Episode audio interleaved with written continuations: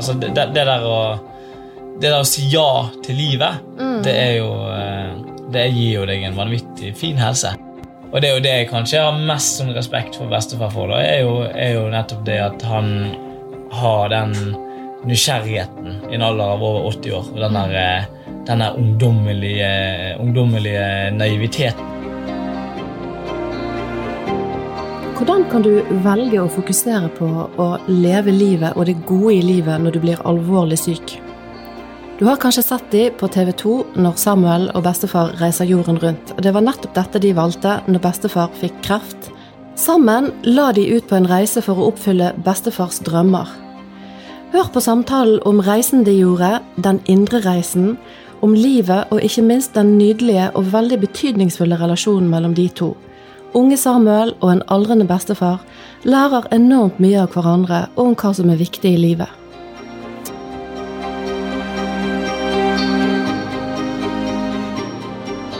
Du lytter til Klokt om livet, en podkast fra Lærings- og mestringssenteret i Helse Bergen.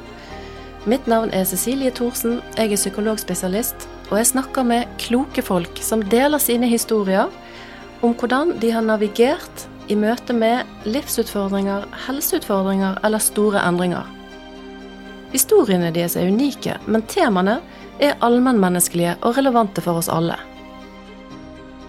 Du har ikke fortalt lytterne her ennå vi sitter sitter her med Øygarens beste vaffelbord, og som bestefar alltid tar, tar imot sine flotteste gjester med. Jeg ble møtt eh, her ute eh, av Arne, altså bestefar i døren, som ropte til meg 'Hei, du har kommet rett'. For jeg var litt sånn nølete. Er det, er det rett? Og da sier han 'kom inn, kom inn', jeg har lagt vafler, og de er varme. jeg har lyst til å, å høre litt fra starten, den relasjonen som var mellom dere to. Samuel og bestefar, eller Arne. Du må ikke si hva han egentlig heter, for han heter, han heter egentlig bare bestefar. Ja, det det er ingen som vet at han heter noe mer enn Er det, ingen, det er ingen som kaller deg Arne, de bare kaller deg bestefar. Ja, jeg roper på det.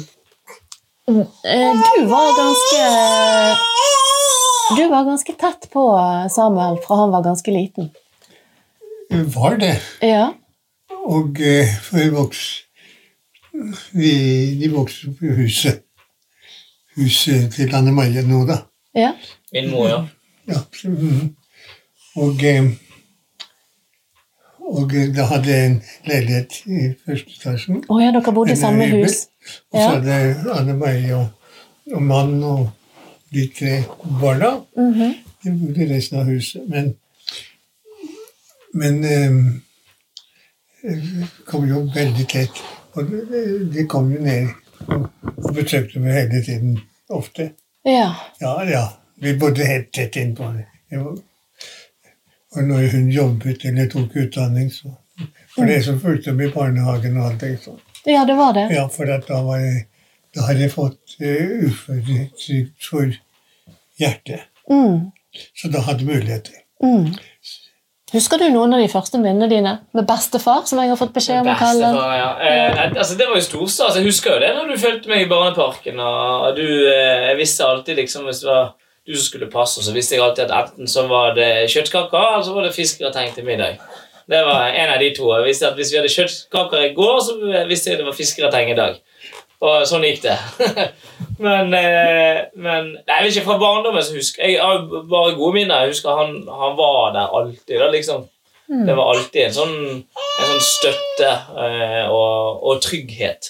Og en selvfølge, uten å egentlig sånn tenke mer over det. da. Eh, så, så det er jeg veldig glad for. Ja. Men den selvfølgeligheten det var jo på en måte Hvis man spoler frem eh, noen tiår, eller 20 år, så var jo det så var jo det, når, den, når jeg liksom forsto at det var kanskje ikke en selvfølge, det var liksom da ting endret seg. Når skjønte du det? Det, da var jeg 18 år gammel og bodde her ute og hadde eh, truffet døden for første gang i mitt liv. Og innså at 18 år gamle Samuel ikke var udødelig. Og det var heller ikke alle rundt meg.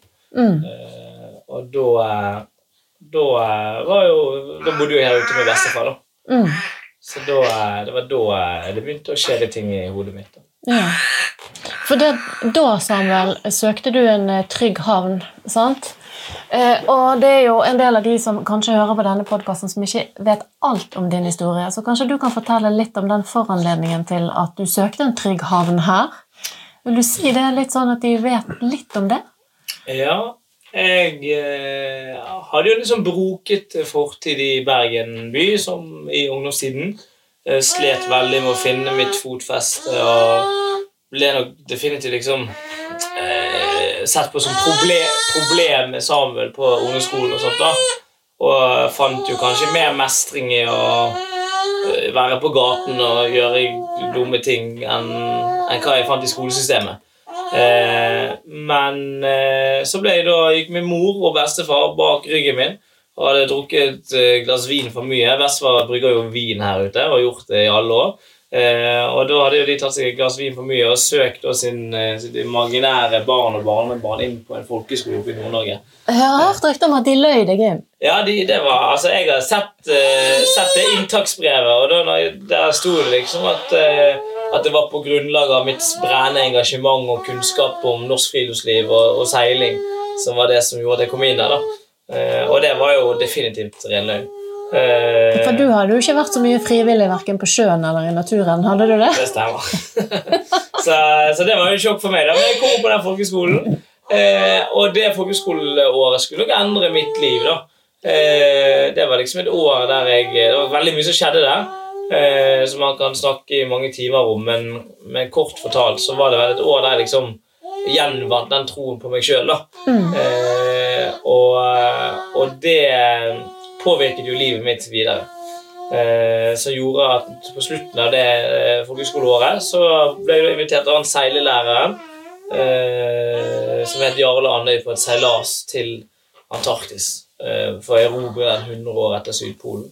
Eh, og det var jo et langt seilas som også var med på liksom gjøre den uh, unge 17 år gamle Samuel om til en, en mann. da. Forandret relasjonen seg mellom dere to da? Absolutt. Ja. Fordi På hva for en måte? Da må jeg korrigere litt. Grann. Altså, skal du korrigere meg? ja, altså det, når du begynte på ungdomsskolen, så var jo jeg Jeg, bodde, jeg flytta fra asylplass. Da. da ble ikke det tette lenger. For jeg bodde ute i Sandviken og eh, begynte å bygge på hytta her osv. Så, videre. så derfor så ble det ikke så tett eh, som det pleide å være. Men det var jo innom stadig vekk, da. Og eh, så jeg følte jo litt med han. Og eh, kan jeg fortelle litt hvordan du var på ungdomsskolen og, videre, og begynte på videregående skolen? Og... Det er jo alltid gøy å høre det fra, fra din side. Ja, Hadde du en del bekymring for han? Hva? Hadde du litt bekymringer for han på den tiden? Men det var det at han, det lenger opp i klassen han kom, desto mer og mer var han en taper. Og du, og du som du har sagt det sjøl, altså Da følte du ikke at du bare tapte i skolen, men du tapte i selve livet. Han ble stille. Veldig stille. Og det var vanskelig å få noen god samtale med han. Når bestefar får kreft, så følger en fase med mye usikkerhet og mye romstrering, der de begge to sammen prøver å finne ut hvordan de skal forholde seg til det. Og etter hvert så tar de valget å leve ut noen av bestefars uoppfylte drømmer. De bestemmer seg rett og slett for å våge å ta det store steget å reise jorden rundt. Og på veldig kort tid så ser Samuel at bestefar virker mye mer vitalisert. Ja, det var ikke noe hyggelig å få en kreft. Men, men. Jeg har vært borti litt før. Hun får ta det som det kommer. Men jeg har lest et sted at Samuel eh, mente at du ga litt opp da. Eller at du nærmest ja. Eh, sluttet å leve, på en ja, måte? Ja, så jeg var nok med det, for jeg var ikke så høy i hatten som jeg ga uttrykk for først. For, mm. for jeg aksepterte det, mm. men ville jo helst ikke hatt kreften. Nei, selvfølgelig. Og... Eh, men var innstilt på å leve men, ja, Ja, sånn som det, kom. Mm. Og, eh, men jeg var nok Jeg var nok litt deprimert en gang. Eh, når, eh, når du fikk vite at han hadde kreft, var det da du bestemte deg for at eh, Da tok du en helomvending i din tilværelse, eller hva var det som fikk deg til å gjøre det? Du hadde jo en god jobb, hadde det gøy, du? Ja, jeg Bra tid i ditt liv, var det ikke det? Det var en veldig spesiell tid, i hvert fall. Jeg, eh, jeg eh, hadde nok nådd litt det som hadde vært en drøm for mange, i hvert fall. Eh, og det var jo å, å bli, få liksom fast jobb i TV 2 og bli, bli programleder der og, og, og, være, og lede Skal vi danse hver lørdag. Mm. Eh, men eh, det var noen sånn tomhet ved det for akkurat min del. da. Jeg husker eksempel jeg meldte meg på sånn eh, Jeg begynte å jobbe ved sånn eh, palliativ avdeling. da, faktisk, for å, og, jeg, jeg vet ikke, jeg hadde, jeg hadde behov for litt mer mening. da. Eh, og, og livet gikk jo veldig fort. Eh, men når du da, bestefar, fikk kreft midt inni det hele, da Det var ikke sånn pang, nå dette er løsningen, dette, dette som vi gjør. Det var jo mer en, en, en langsom prosess hvor jeg hadde egentlig prøvd å få deg til å liksom tenke på Vi hadde jo snakket mye om drømmene til bestefar mens, vi satt der, mens jeg bodde med bestefar. ikke sant? Og han hadde jo massevis av drømmer han eh, aldri hadde gjort. Han hadde alltid liksom tatt den hva du kalte den mest lettvinste veien. Den, den, den, eh, altså den, tryggeste veien. da. Eh, og, eh, og det var jo noe jeg bet meg merke til. når jeg kom tilbake fra Berserk, så hadde jo jeg eh, vært på en reise med liksom en drømmereise som hadde endt veldig tragisk. Men det hadde i hvert fall vært en drømmereise. Eh, mens, mens hadde jo så mange drømmer han aldri faktisk reiste ut på. Eh, og det var en sånn ekstra sårhet ved når man er eh, over 80 år. da, ikke sant? Mm. Eh, så det bet jeg meg veldig merke i. Men når han da fikk eh, kreft, så så jeg at han gikk veldig ned i, eh, i kjelleren. Og, og tok det tungt, så klart. Det er jo, Ja, det er jo en kjempeheavy beskjed. Mm. Eh, og jeg også tok jo det tungt, men, men, det, men det tyngste var vel liksom å se at den der eh, eh, gnisten i øynene virkelig forsvant. da. Ja. Eh, og det var da jeg en dag kom, reiste ut her og sa og, og puttet litt sånn hardt mot hardt. da. Og sa vet du hva, enten nå, bestefar, så fortsetter du å gjøre akkurat det du gjør, og bare sitter og, og sturer ved lyset, og liksom aksepterer at det kommer til å gå nedover, eller så går vi ut med pang. ikke sant? Eh, så tar vi nå, og vi tar og vi har en liste med massevis av drømmer, drømmer du har hatt siden du ble født. Og så tar vi jo bare gønner på og bare gjør noe med det. ja. Sant? Eh, men det var jo ikke min avgjørelse. Nei. Jeg ville jo veldig gjerne at han skulle gjøre det. Mm. Eh, men jeg hadde jo aldri hatt god samvittighet til å gjøre noe Tenk hvis det går galt. ikke sant? Ja, det var en stor, stor risiko å ta. Ja, og, Ja. Men, og, og mange spør meg liksom, hvordan greide jeg å bære på det ansvaret der. Ja. Ikke sant? Hvordan greide, hadde jeg greid å leve med meg sjøl hvis det gikk galt? ja. Men det var jo ikke mitt valg i det hele tatt. Nei. Jeg ville jo veldig gjerne skulle gjøre det, men For det var hans det måtte være hans valg. Mm. Sant? Det, jeg er interessert i det valget der. Hva var det som fikk deg til å ta det valget? Du, for, du var, du. Ja, for du var syk, du trengte behandling, eh, medisiner. Var kanskje usikker på helsetilstanden din, om du kunne få hjelp av lege hvis du trengte det. Altså Det å ta den sjansen og kaste deg utpå, altså for din del, men òg ansvaret for Samuel, Ja. når dere valgte å gjøre det, hva var det som fikk deg til å på en måte Ja, dette gjør vi. Nei, for jeg har jo vært borti veldig mye hjerteoperasjoner og greier. ikke sant? Ja. Og jeg har jo født en sønn, så jeg hadde alltid lykken med meg. Mm. Mente jeg. Du har lykken med deg, mente du? Sånn at jeg bekymrer meg ikke for hva, hva som kunne skje og alt. ikke sant? Ok. Jeg jeg tenkte at jeg tar det som det kommer, og så Men hvis jeg, for jeg, jeg var for minne litt på det, hvis jeg kan spole litt grann tilbake For det var, det var nøyaktig den innstillingen der du våknet opp med den ene dagen og du sa vet hva, Samuel, vi bare gjør det. Ja. Det har du du, jeg er jo født på en søndag, så lykken er jo med meg uansett. Så det får nå gå som det går. Det var den innstillingen. Men før du våknet opp den dagen, så var du veldig tilbakeholden. Ja. Og eh, det var, du, har- du så veldig mange grunner for hvorfor du ikke skulle gjøre det, og hvorfor det kunne gå gale. Eh, eh, og den endringen der er jo veldig interessant. Mm. Altså Hvordan man kan gå fra å se at alt er såpass eh, altså, vanskelig og umulig og, og dumdristig, nesten, til, til å bare våkne opp en dag og si 'søren heller'. Ja. Så det har vel antakelig gått igjennom en, eh, en endring der, ja. For at med samme kreften og så videre, så hadde, tenkte jeg veldig mye kanskje for dere, ikke sant? Men, men det er antagelig Sammen klarer seg. Han klarer seg, så det Han var ikke bekymring for han. Og du var ikke så bekymret for deg heller? Ja. Så jeg behøvde ikke bekymre meg for, for det. For at ok, skal du dø en gang, ikke sant? Om det blir på den turen der, så ordner han noe i alt. Det, det husker jeg.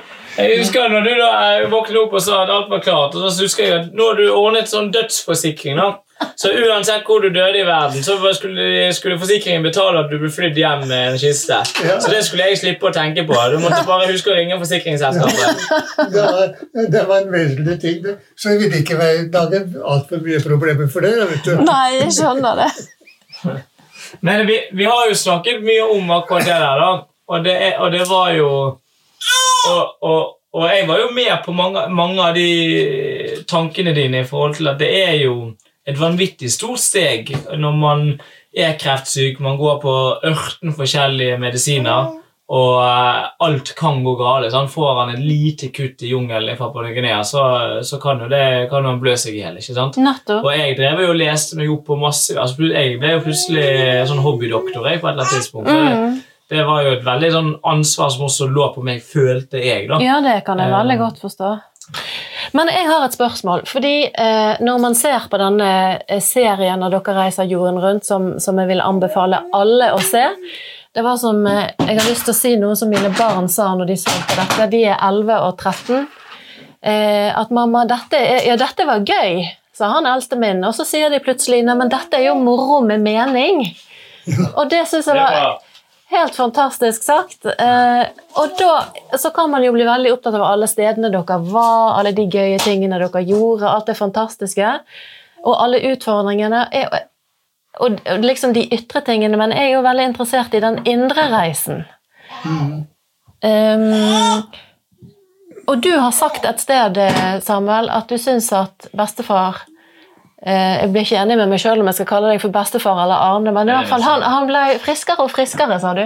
Altså, Ikke bare friskere og friskere, han ble frisk. Han det tok tok han tre dager å bli frisk. Han var, lå her hjemme og sturet ved lyset, og så kom vi på tur.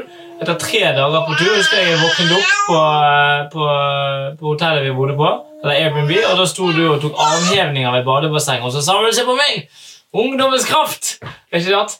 Eh, og det var jo en total forandring. i forhold til Han, ikke, han greide ikke å gå til postkassen engang før han reiste. ikke sant? Så, så det var jo et eller annet som virkelig bare ble påskrudd på tur. da. Hva var det, tror du? Jeg tror det var livsgnist, livslyst. Det var at han eh, sa ja til livet. Eh, og jeg, jeg tenker jo, har jo alltid tenkt eh, i hele mitt voksenliv at det er, at det er det som er det viktigste. sant? Og så kommer helsen og, og et, etter, men det er hodet som først må bestemme seg. Mm, ja. Hva tror du det var som skjedde, Arne? Ja, jeg satt vi hadde var inne på det men Nå forsvant litt, litt men det, jeg tror det er mye rett i det der. At å koble ut Jeg hadde lyst til å leve mens du lever. Mm, Kanskje. Jeg tenkte. Eh, også at eh, jeg frykter ikke noen ting. Ikke sant? Jeg, jeg lever i dag. Jeg vet ikke om jeg lever i morgen, men, men jeg bryr meg ikke om det. Jeg dør en gang. ikke sant? Ferdig med det. Og det var jo med den innstillingen at du tenkte ja, ok, kanskje får jeg, får jeg prøve å ta noen avhevninger. da, ikke sant? Hvor galt kan det gå?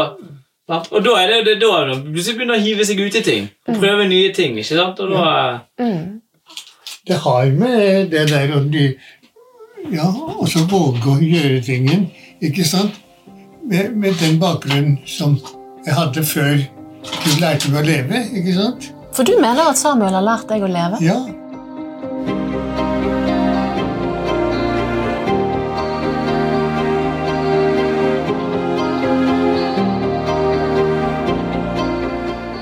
Tenker du ofte det er som styrer livet? Det har jeg lyst til å høre dere si litt om. Hva er det ofte som gjør at ikke vi eh, gjør det vi har eh, tenkt, eller det som er viktig for oss? Altså, du, du har sagt litt at du ble styrt av andre sine forventninger, og det var ikke så lett for deg å alltid vite hva du hadde lyst til. Og, og, og ofte Det jo jo helt i bakgrunnen. det kom helt til bakgrunnen, men ofte så er det jo sånn at det er hverdagen som sluker oss òg. Nå sitter du her med to små barn Ja, og litt flere barn ja det er action. sammen. Det er action. Ja. Blir ikke du slukt av hverdagen? Jo, jo. Jeg eh, Jeg tenker vel kanskje Jeg tenker De store problemene tenker jeg kommer når du, når du over tid liksom undertrykker deg sjøl. Eh, jeg, jeg har jo Om eh, Ja, når hverdagen sluker deg opp, var vel et eller annet det du spurte om? ikke? Ja, ikke det er ofte det som styrer livet, og hva vi velger å bruke tiden på. At vi vet egentlig hva vi godt kunne gjort som var bra for oss, men for det første, når vi har det vanskelig, da velger vi vekk det vi vet er bra for oss.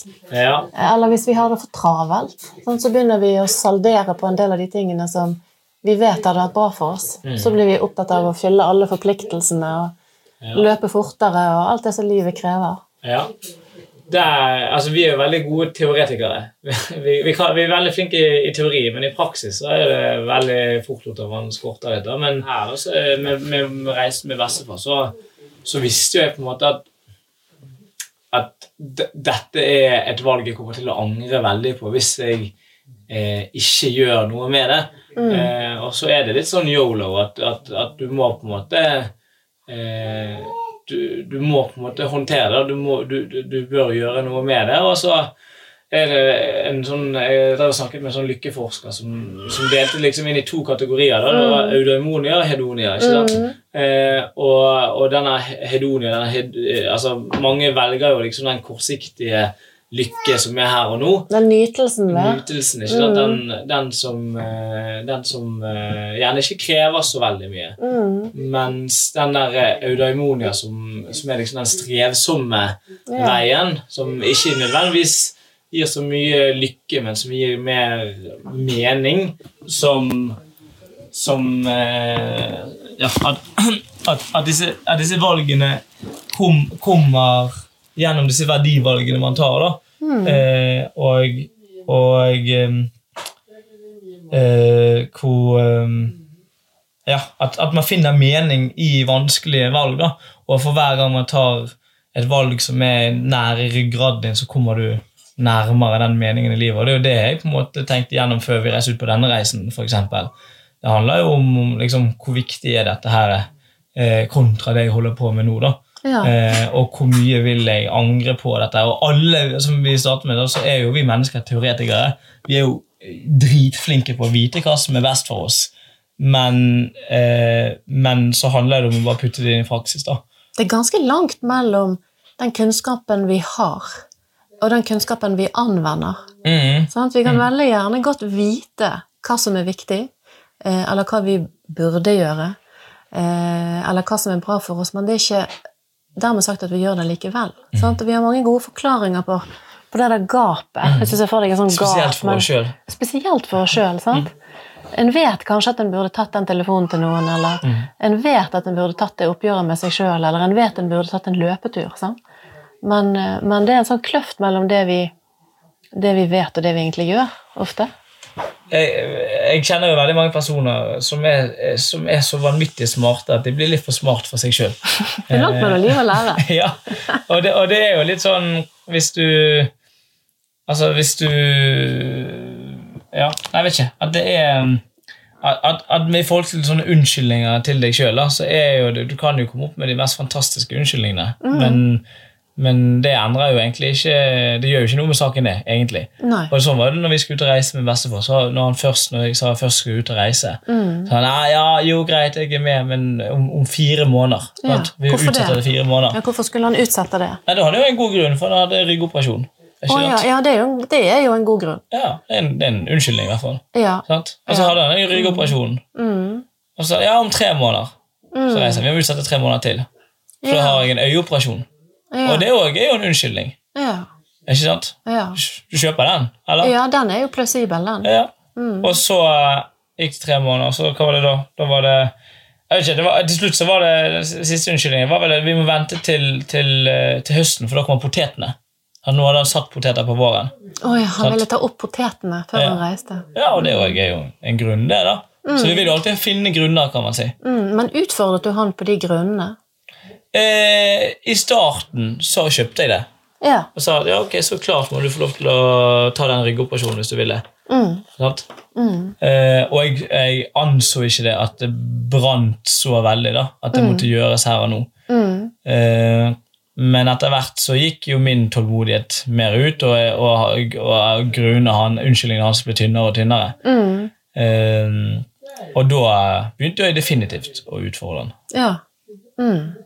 Mm. Og det er jo litt, ja, det er litt vanskelig å utfordre folk, sant? for grunnene høres veldig gode ut, og de føles veldig viktige òg. Ja, ja, det er det verste. Det er Når det du verste. føler på det, og det føles så viktig, og det er så logisk at dette kan være en god grunn. Ja. Ikke sant? Mm. Det er så logisk at nå har du jo du har tatt den joggeturen på onsdag, og så har det vært en så slitsom uke, og så, Mm. og så, og så sov du litt dårlig i, for, i forrige natt. Og så, Du finner jo veldig mange gode grunner. Mm. Og så passer det aldri helt. Nei, ikke sant? Det er jo en kjempegod grunn i seg sjøl. Og ikke det er en sånn typisk ting at noen ganger så venter vi med å gjøre noe bra helt til alt er helt perfekt. Mm, Det er litt sånn eh, hvis du har problemer i parforholdet, mm. så skal ikke vi gjøre noe sammen, for vi har ikke det så bra akkurat nå. Ja, ja, ja. Mens egentlig kunne man fått det bra av å gjøre noe sammen. Eller, Det er veldig sånn eh, amerikansk altså, Better done than perfect. Ikke Ja, sant? nettopp. Man må bare hive seg ut i det. mm, Og, eh, og, det, og det gjorde jo vi, da. Så vi, vi hev oss jo ut i det. mm. Og, og det tror jeg ingen, ingen av oss angrer på. Nei, tydeligvis. Mm. Men du så du så en livsgnist hos han, som kom mer og mer. Ja. Ja, vet ikke, jeg, jeg, jeg da Etter vi hadde vært på turen, så tenkte jeg dette må jo jeg bare begynne å gjøre på fulltid. Og liksom eh, finne opp min egen medisin. Egen sånn Samuels lykkemedisin. ikke sant? Hva er den? Nei, Det er å ta med folk ut og få dem til å leve litt. ikke sant? Ja. Han, eh, han gikk jo på alle disse pillene. Han sluttet jo å ta massevis av de pillene han, på tur. For han tenkte nei, jeg trenger ikke de lenger. Jeg har jo det kjekt. ikke sant? Jeg lever jo. Og det gikk jo bra, faktisk. Ja, ja, ja. ja, ja. Så han har, jo- han har og Han har jo så mange piller at han kan jo prøve, prøve seg frem som han vil. ikke sant?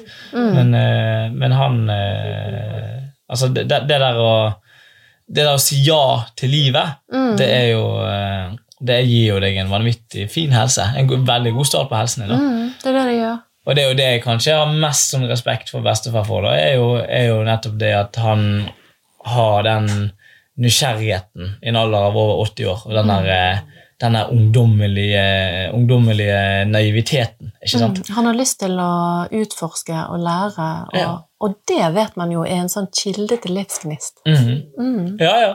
Og det som er litt interessant, er jo på, på reisen vår så begynte jo Altså, kreften hans vokste ganske eh, aktivt før vi reiste. Mhm. Vi reiste på tur. Den sluttet å vokse mens vi var på tur. Eh, Vi kom hjem igjen fra tur, og den begynte da å vokse igjen mens vi var hjemme. Så reiste vi ut igjen på tur.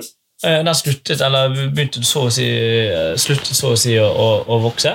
Og så kom vi hjem igjen, og så har den begynt å vokse nå under, under, under korona. da, Men ikke like fort. Mm. Og det er jo litt sånn, altså det er jo noe man gjerne skulle forsket mer på. altså Ja, og man kan jo si at ok, lykke kan ikke kurere kreft, men, men, men, men er du lykkelig og, og, eller, og sier ja takk til livet, så gjør gjerne at du kommer deg ut av døren. Gjør gjerne at du mosjonerer mer. Gjør gjerne at du eh, kanskje velger det sunne måltid, for du får litt overskudd. ikke sant? Mm. Eh, og alle sånne ting har jo, kan jo man si med fakta kan, kan påvirke helsen. da, ikke sant? Ja. Ja. Men du, og så vet du noe med det å være engasjert i ting, eh, være nysgjerrig på ting, søkende på ting, eh, ikke stå stille i hodet. Sant? Noen kaller det livslang læring, det har jeg hørt deg snakke om i en par andre sammenhenger. Mm. Og da har jeg lyst til å vise til et sitat som jeg hintet litt om her i sted. Mm. Sant? Eh, Jeg er jo veldig begeistret for Søren Kierkegaard. Eh, En dansk filosof og, og forfatter og prest. Han kalles eksistensialismens far. Ja. Som sa det at eh, den som ikke har engasjement i livet, ser aldri det forjettede land, men omkommer i ørkenen. Mm. Ja. Eh, når jeg leste det, da tenkte jeg på dere to. ja, ja det er jo, er jo veldig, veldig godt sagt. Det. Ja, Hva tenker du når jeg sier det? Nei, da ser jeg for meg meg og bestefar. Jeg da er på toppen av Vannesfjellene. som eh, s- s- ser dette flotte landet av, av drømmer. Mm. Eh, så det er alt et øye som ser. Så jeg er helt, helt enig i det. Mm. Du er ganske engasjert i livet, du òg. Jeg er kjempeengasjert, og jeg håper jo jeg kommer til å være like engasjert når jeg fyller 90 år. Ikke sant? Eh, og det er, nok, det er jo noen kneiker man må gjennom i livet, og, og det tenker jeg også man må tørre å akseptere. Uh, Hva tenker du på da? Nei, tenker- ikke, det jo altså man, man har jo sånne faser i livet. Sant? Nå er jeg fremdeles i 20-årene mine. ikke sant? Og jeg, jeg, eh, jeg eh, sånn 30-årene skal jo sikkert by på, by på massevis forskjellig. Sant? De fleste både gifter og skiller seg i 30-årene, og 40-årene da, da skal jeg kjøpe kabriolet og, og sånt, og 50-årene så, så flytter gjerne barna ut, og 60-årene skal jeg bli pensjonist, og 70-årene forsvinner helsen, og 80-årene da, da dør jeg kanskje. ikke sant? Eh, Så det er jo ganske mye, og det er jo bare liksom disse, hva statistikken sier. Men, men, men man har jo ganske mange sånn eh, all, Alle liv har jo noen liksom steder eh, ganger hvor man skal ned i kjelleren. Eh, og det mener jeg man bare bør akseptere. og det er jo en, en det er For å komme med et annet sitat, så er det sånn eh, lykke og sorg drikkes fra samme brønn. Eh, og det, det liker jeg veldig godt, for det, det er liksom med på å skape disse nyansene i livet. Mm. Og man kan jo ikke forvente at alt skal være like bra hele tiden. Sant? Eller at livet skal være fullt av å oppfylle drømmer hele tiden. Eller at en skal få, alltid få jage de store drømmene sine. Sant? Eller engasjere seg i de store tingene. Det kan jo være å engasjere seg i de små tingene. Ja, jeg, jeg, tror, jeg tror man gjør seg sjøl en bjørnetjeneste hvis man, hvis man sier livet skal være flott og fjongt hele tiden. Eh, da tror jeg man eh, vil miste ganske mye mening med livet når, når det ikke er det lenger. Da. Og, og det gir, kan jo gi litt sånn identitetsutfordringer, det, da. Men, men, men det er jo et eller annet med å med å høre på, høre på de gamle. Det er jo derfor jeg er så fan av bestefar. Sant? Han har jo en helt sånn annen tilnærming til livet. Og Hva da? Hva er den tilnærmingen som du er fan av? han har jo, For det første så, så har ikke han den der eh, sånn fråtsemåten å leve på. Nei. Sånn, Når han spiser seg en skive med sånn mårpølse, så, så tar han én mårpølse på skiven. Og så gjerne dytter han han med leppen helt fram mot slutten av skiven. Og kanskje på en dårlig dag så tar han og putter han i lommen og sparer han til neste skive. Ikke sant? Og Ja. ble det ikke i dag heller. Så han har helt sånn, han sånn Men han har sånn fin sånn til, tilfredshet ved det hele. da. Eh, det til, altså han eh, han, eh, han, han, han han lever i hverdagen, ikke sant? Mm. Eh, og han eh, Jeg vet ikke, For min del så har jo han på en måte alltid sittet litt sånn på Eller ikke alltid, men siden vi begynte å snakke, og, og, og han ble liksom bestekompisen min, så har han på en måte sittet litt sånn på, på fasiten til, til livet. da. Og, Hva er det han har lært deg? Hva er det du har lært av ham? det er nok veldig mye ting jeg ikke er helt klar over ennå. Ja, Eh, kanskje det. Mm. men han har Klarer du å liksom sette ord på noe av det så langt? han, han har nok gitt meg en enorm ro eh, i livet. Det Gitt meg en enorm sånn ro om at, eh, om at Ja, kanskje om at, om at den der eh, De gylne øyeblikkene i nuet er, er veldig fint. da. Og at denne pulsen kan altså Hva er det som skjer ved livet hvis man faktisk roer den pulsen litt? Grann, da? Mm. Eh, For det at når jeg kommer ut her, som vi sitter nå på hytten, så, så, så idet jeg går inn den døren her, så roer jo pulsen min seg med, med flere titalls hakk. For da er jeg liksom ja, da, da, er, da, da deler vi samme pulsnivå, vi, da. Ikke sant? Mm. Eh, og det syns jeg er, er veldig fint. Ja. Eh, og så, er jo det, så gjør det også noe med deg når du tilbringer såpass mye tid med en kar som er på, på siste fase av livet. Da, eh, da eh, samtaler jo vi f.eks. veldig mye om om hvilke valg han har tatt på sitt, sin liksom, livsreise.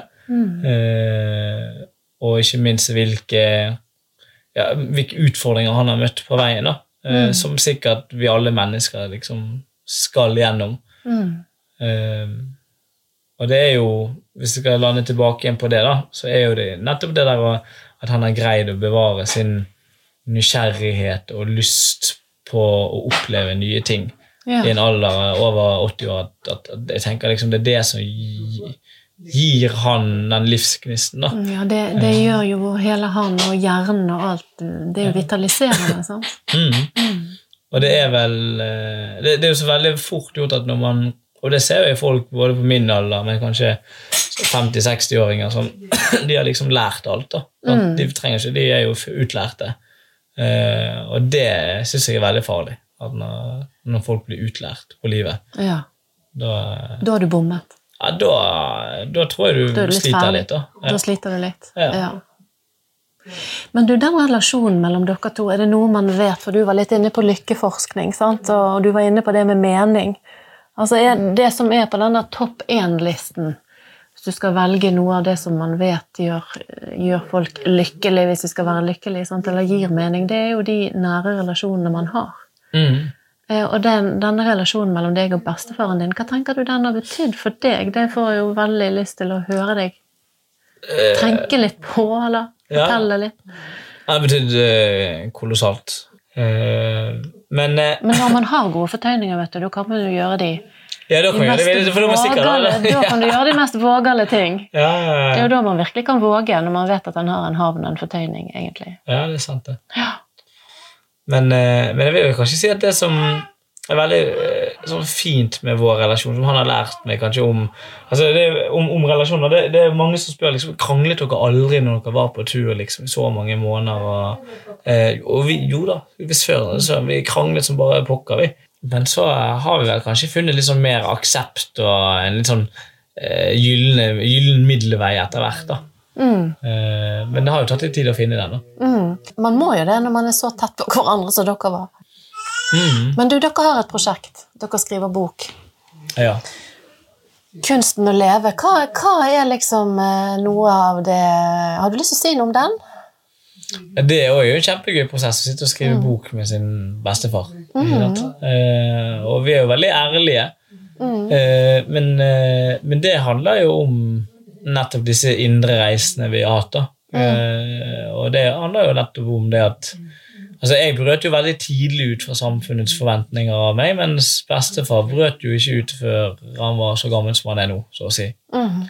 Eh, og, og liksom det der å finne liksom noen sånne leveregler for seg sjøl, Mm. Eh, og, og den reisen vi har vært på. Eh, så det, det er jo en, en prosess som vi bare må komme oss gjennom. Men det er jo, det er jo litt sånn jeg vet jeg, det er jo Jeg syns jo det er veldig kjekt å kunne gjøre ting som gir meg veldig mening. Og jeg har jo ikke forhastet at dette er jo et prosjekt vi har holdt på med i lenge, men det er først nå jeg har begynt å skrive. Okay. Jeg har liksom fulgt han opp eh, hele veien. Han har begynt å holde på en stund. Ja, men jeg syns det har vært veldig fint å liksom ha det prosjektet gående oss imellom. da. Mm. Og det er jo, det er jo litt, kanskje litt samme med din historie. ikke sant? Om at Mm. du, du, du gjør jo noe ting som virkelig gir deg mening og, og energi. ikke sant? Og det er jo, Mm. det er jo samme her med oss. at Vi, vi ønsker jo å jeg, ikke, jeg setter veldig pris på det å være i et prosjekt med bestefar. Mm. Ja, bare tenk bare det. Ja, ja. Mm, ha et prosjekt i lag. Jeg, jeg ville bare si tusen takk, eh, Samuel og bestefar, som jeg har fått beskjed om å si nå. Det er godt du har lært. Ja, nå har jeg lært det. Eh, og lille Noel. Eh, At dere ville stille eh, og prate med meg. Takk for at dere ville bruke tiden og dele deres eh, enormt kloke og viktige tankegods med de som hører på.